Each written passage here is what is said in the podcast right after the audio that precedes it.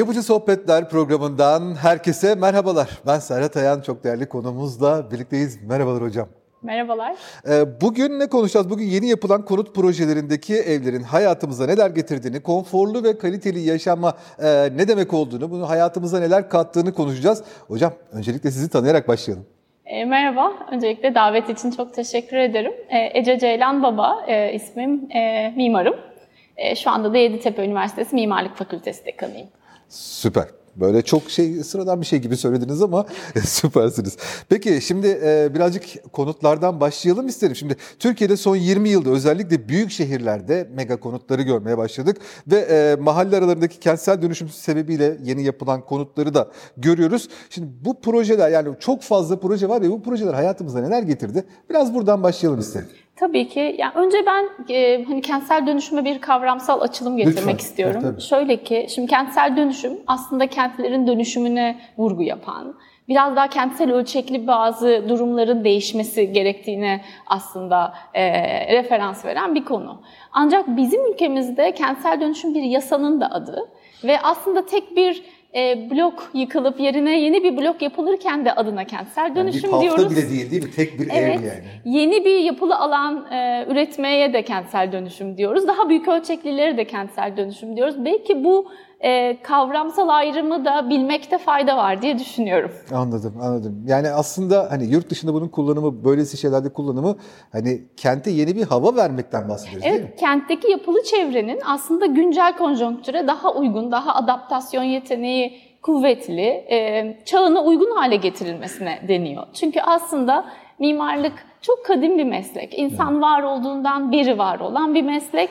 ve insan değişiyor. İnsan dünya değiştiği için değişiyor. O zaman da insanın mekana olan e, katkısı, mekanla olan ilişkisi ve doğal olarak mekanların da değişmesi ve dönüşmesi mevzu bahis. Konutlarda bundan en çok nasibini alan aslında mekanlar grubu. E, kentsel dönüşüm aslında böyle bir şeyden e, referans alıyor. Kökü böyle bir yerde. Yani insanın değişiyor olması, dönüşüyor olması, dünyanın değişiyor ve dönüşüyor olması aslında mekanların da dönüşüyor olmasını, kentlerin de dönüşüyor olmasını tetikliyor. Anladım. Biz etimolojik olarak biraz kelimenin üstünde oynamışız sanırım. Peki Biz biraz bunu bir yasanın adıyla, Doğru. bu yasanın adından ötürü de bir e, e, nasıl diyeyim bir inşai durumla özdeşleştirmişiz. Aslında böyle değil. Anladım.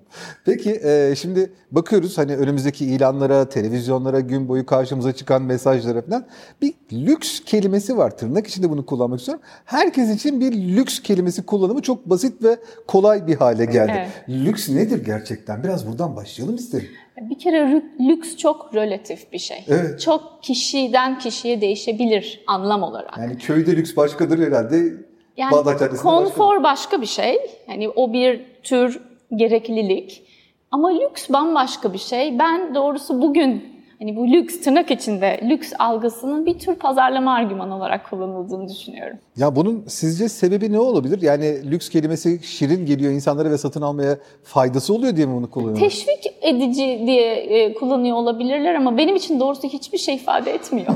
Anladım ki bu işin e, bizzat üstünde... Çünkü çok görece, göreceli bir şey. Yani sizin lüksten anladığınızla benim lüksten anladığım aynı değil. Çünkü bambaşka yaşamlara sahibiz. Yani burada lüks dediğiniz şey aslında mevcut beklentinizin biraz üstünde, biraz daha da üstünde olan bir durumu anlatıyor. Hani bu sizin beklentinizle benim aynı olmadığı gibi pek çok insan içinde değişken bir şeydir. e, yurt dışında Nepal tarafında bir eve gitmiştim. Orası lüks evler olarak verdikleri evlere soktular bizi. Aa lüks dediler. Neden lüks olduğunu ben sonradan öğrendim. Çünkü tuvalet evin içindeymiş. Mesela bakın Dışarı göreceli durum bu. Mesela hani 1980'lerde 90'larda da lüks konut dediğinizde asansörlü konut demekti Oo, o. evet. Mesela.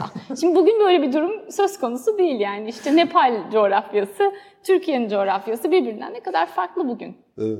Peki biraz şuna geçmek istiyorum. Şimdi e, dünyada algılananla hani siz dediniz ya kişiden kişiye bile değişir. Dünyada algılananla bizde algılanan arasında da lüks konusunda ciddi farklılıklar var. Şimdi e, lüks olunca mesela bir şeyin lüks sayılması için sizce mesela içinde ne barındırmalı? Ne Konut, olmalı? konut özelinde olarak, mi konuttan bahsederken. Tamam. Ya bir kere konut e, bence en nitelikli olması gereken, en bizim için özel mekan insan için. Çünkü evet. konut yuva. Evet. Yani yuva çok şey ifade ediyor bizim için. Yani sadece bir mekan değil. Aslında bizim köklerimiz, kökenlerimiz, mahremimiz, özel hayatımız, kendimizle kaldığımız, hatta kendimize ayna tuttuğumuz tek yer. Evet. Kendimiz gibi olabildiğimiz bence hala tek yer. Bu yüzden de konut en nitelikli olması gereken mekan. Benim için konfor diyelim ya da lüks yerine benim için evin ya da konutun ilk e, hissi bu samimiyet hissi olmalı. E, kendimi orada kendim gibi hissedebilmeliyim. Dışarıyla bağlantım olmalı, izole olmamalıyım misal. E, doğayı kent içinde de olsam biraz doğayla e, ilişki kurabilmeliyim. Bahçe en ya da... En azından görebilmeliyiz değil mi? Evet yani mesela benim, benim için tanımlar böyle tanımlar.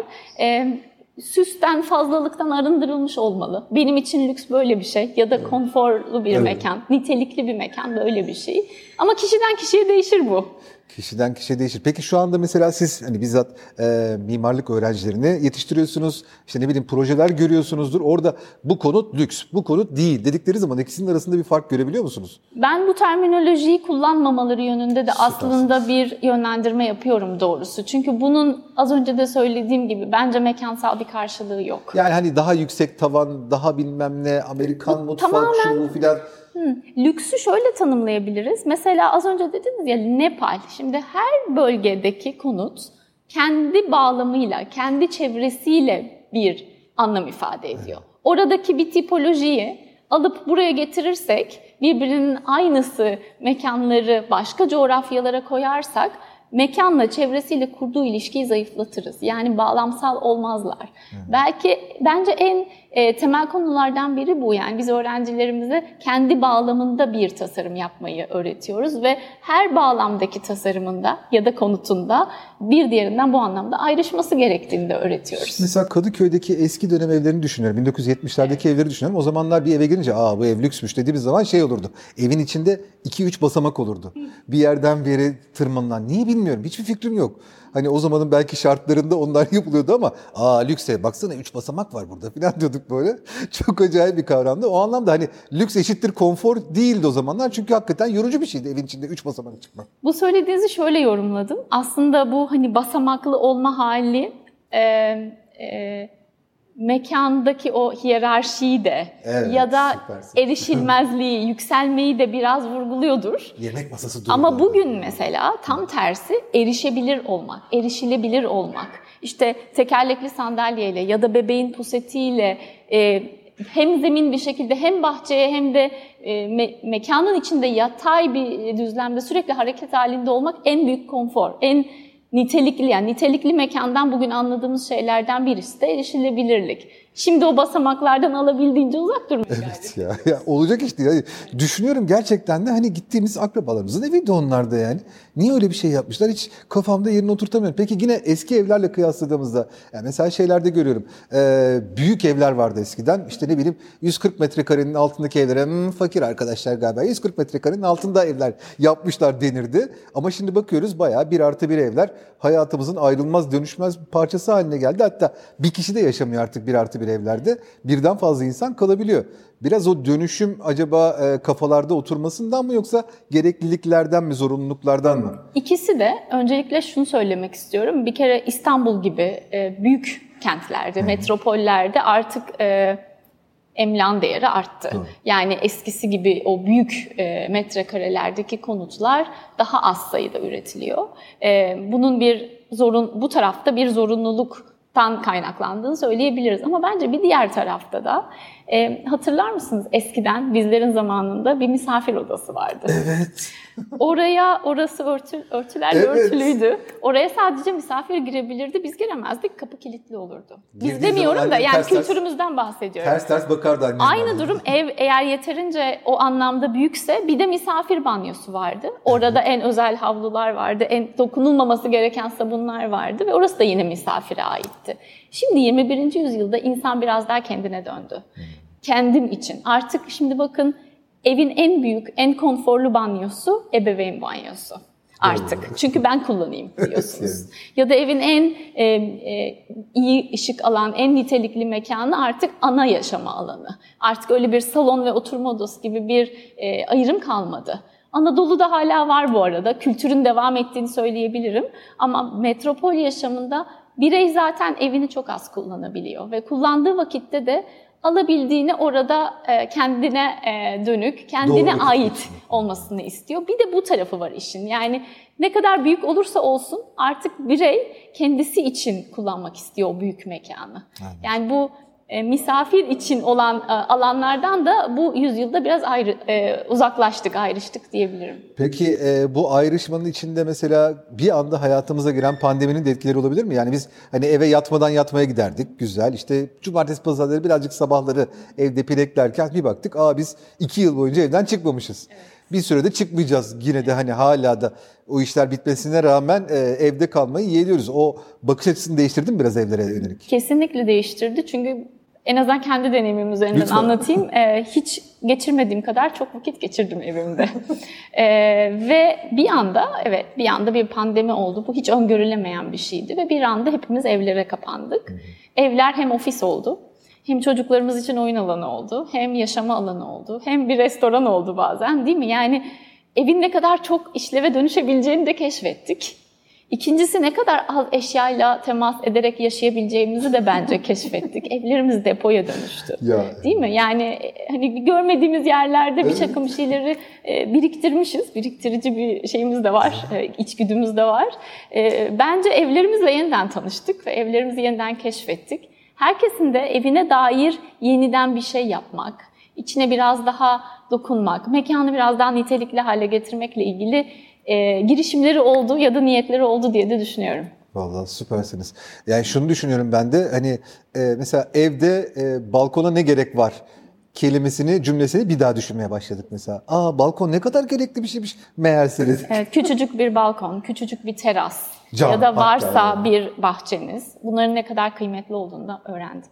Peki bu şimdiki yeni yapılan evlere sirayet ediyor mu? Yani insanlar bunun mutlaka, farkına vardılar ve... Mutlaka. Ee, ediyor ve etmeye de devam edeceğini düşünüyorum. Çünkü artık evin ne kadar... Bir de şöyle bir şey de var. Evet pandemi tam geçti mi çok da emin değilim ama tekrar olabilir, tekrar böyle bir şey olabilir. Ya da biz tekrar bazı uzaktan çalışma yöntemlerini de içselleştirmiş de olabiliriz. O yüzden bence konutlar hiç olmadığı kadar daha önemli ve değerli olacak bundan sonra hayatımızda. Süpersiniz.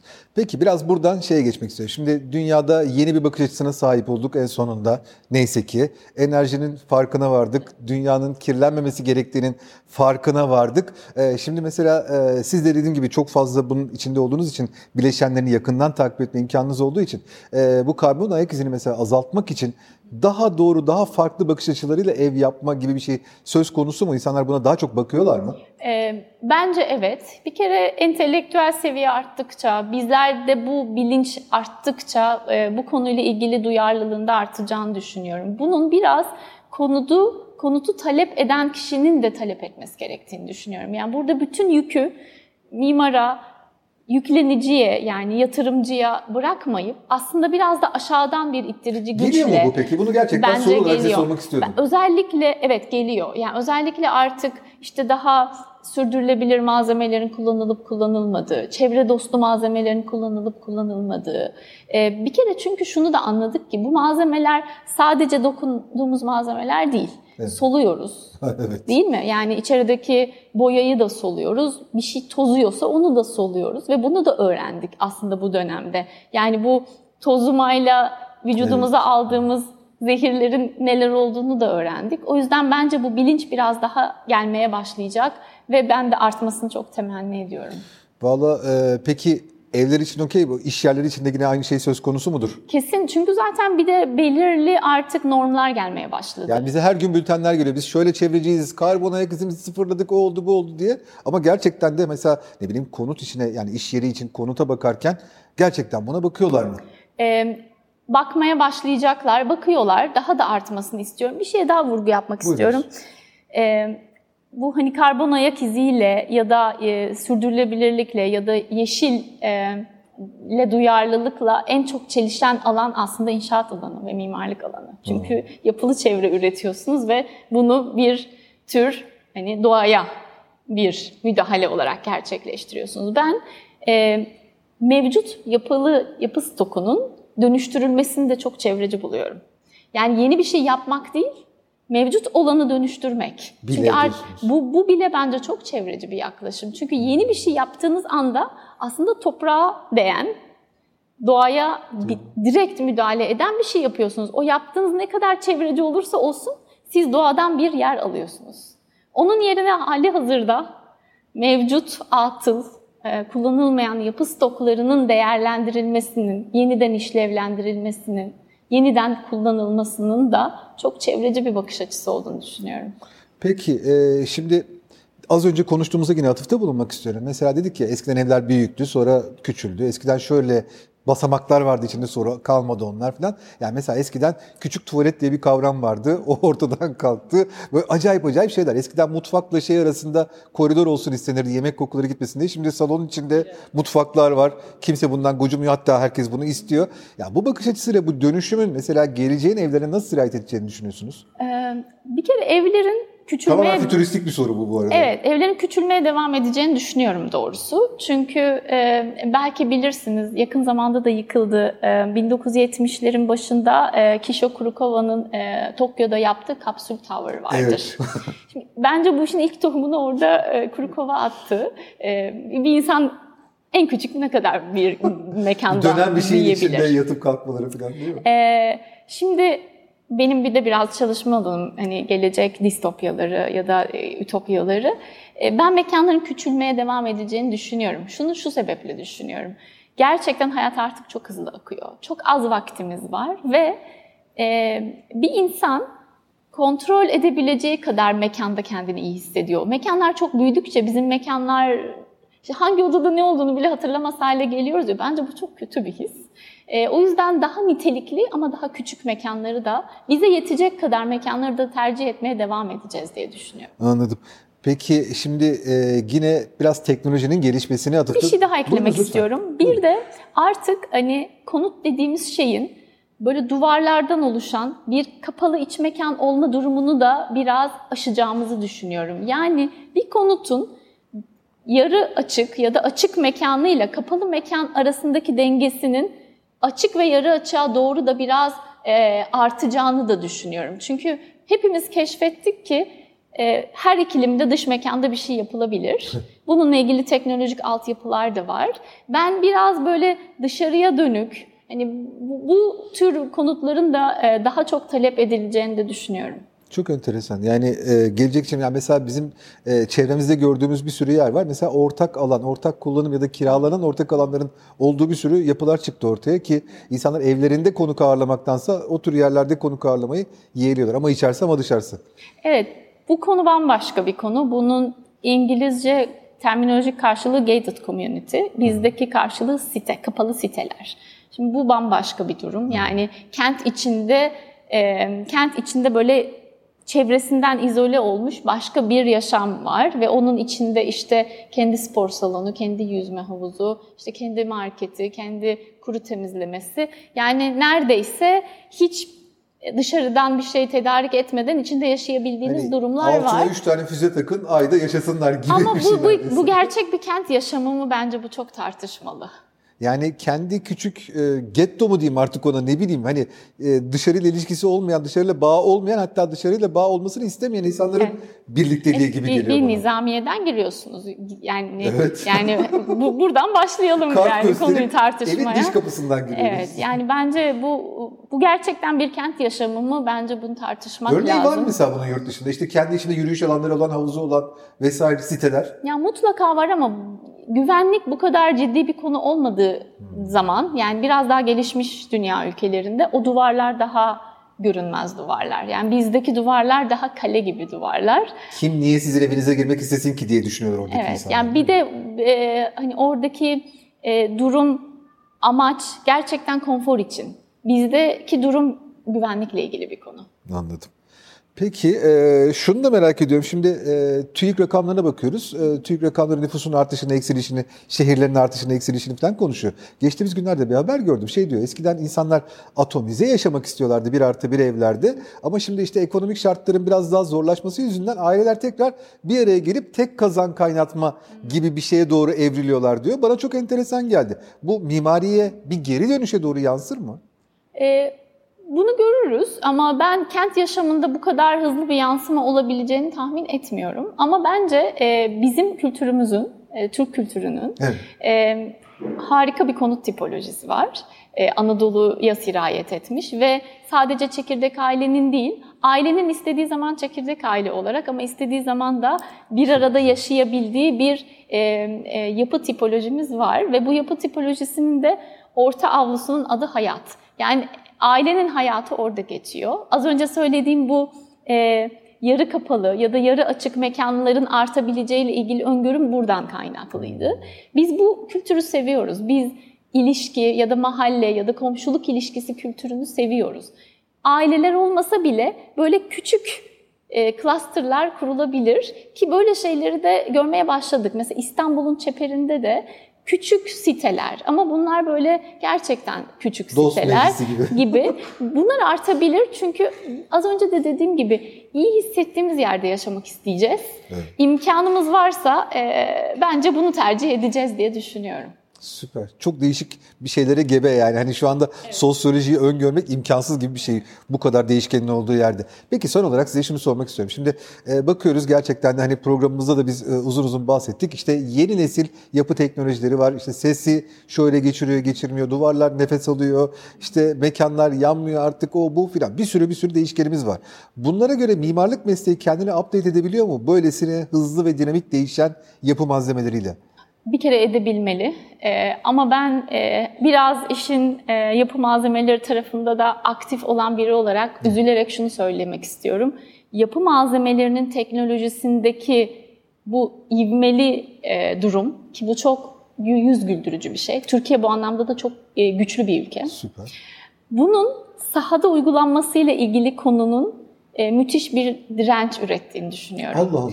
Çünkü bizim e, inşai e, süreçlerimizde mimardan sonra usta var.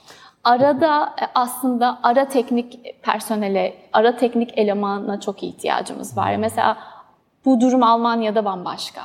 Ee, yani orada mutlaka ara teknikerler var, var ve o ara teknikerler bu teknolojiyi ya takip edebiliyor. Herhalde, onlar mühendis ya da onlar gerçekten meslek yüksek okul mezunu. Mesela bu ara elemanların e, büyük eksikliğini yaşıyoruz diye düşünüyorum. Çünkü usta elinin alıştığı, en iyi bildiğini yapmaya devam etmekte ısrar eder. Onun o, o vizyonu açacak kişi o aslında aradaki kişidir. Yani burada üreticilerin de e, çok zorlandığını biliyorum ve düşünüyorum. E, yani bu yeni geliştirilen teknolojinin iki tane bacağı var. Yani bir tasarımcıyı ve yatırımcıyı ikna etmeniz lazım ki biz en azından ben bu konuda ikna olmaya çok açığım. Çünkü bunların hepsi insanların daha nitelikli mekanlarda yaşaması için üretiliyor. Yani bizim için üretiliyor e, ama bu az önce söylediğim konu ciddi bir bariyer bizim ülkemizde. Buna dikkat çekmek istiyorum. Ha, Valla süpersiniz. Gerçekten de kendimi aydınlanmış hissediyorum. Ee, böyle lüksten girdik, e, binaların yapımından çıktık. Çok teşekkür ediyorum verdiğiniz ben çok davet için çok teşekkür ediyorum. Çok keyifliydi. Sağ olun efendim. Evet, yapıcı sohbetlerin böylece bir bölümünün daha sonuna gelmiş olduk. Ee, yine yeni programlarda sizlerle buluşacağız efendim. Hoşçakalın.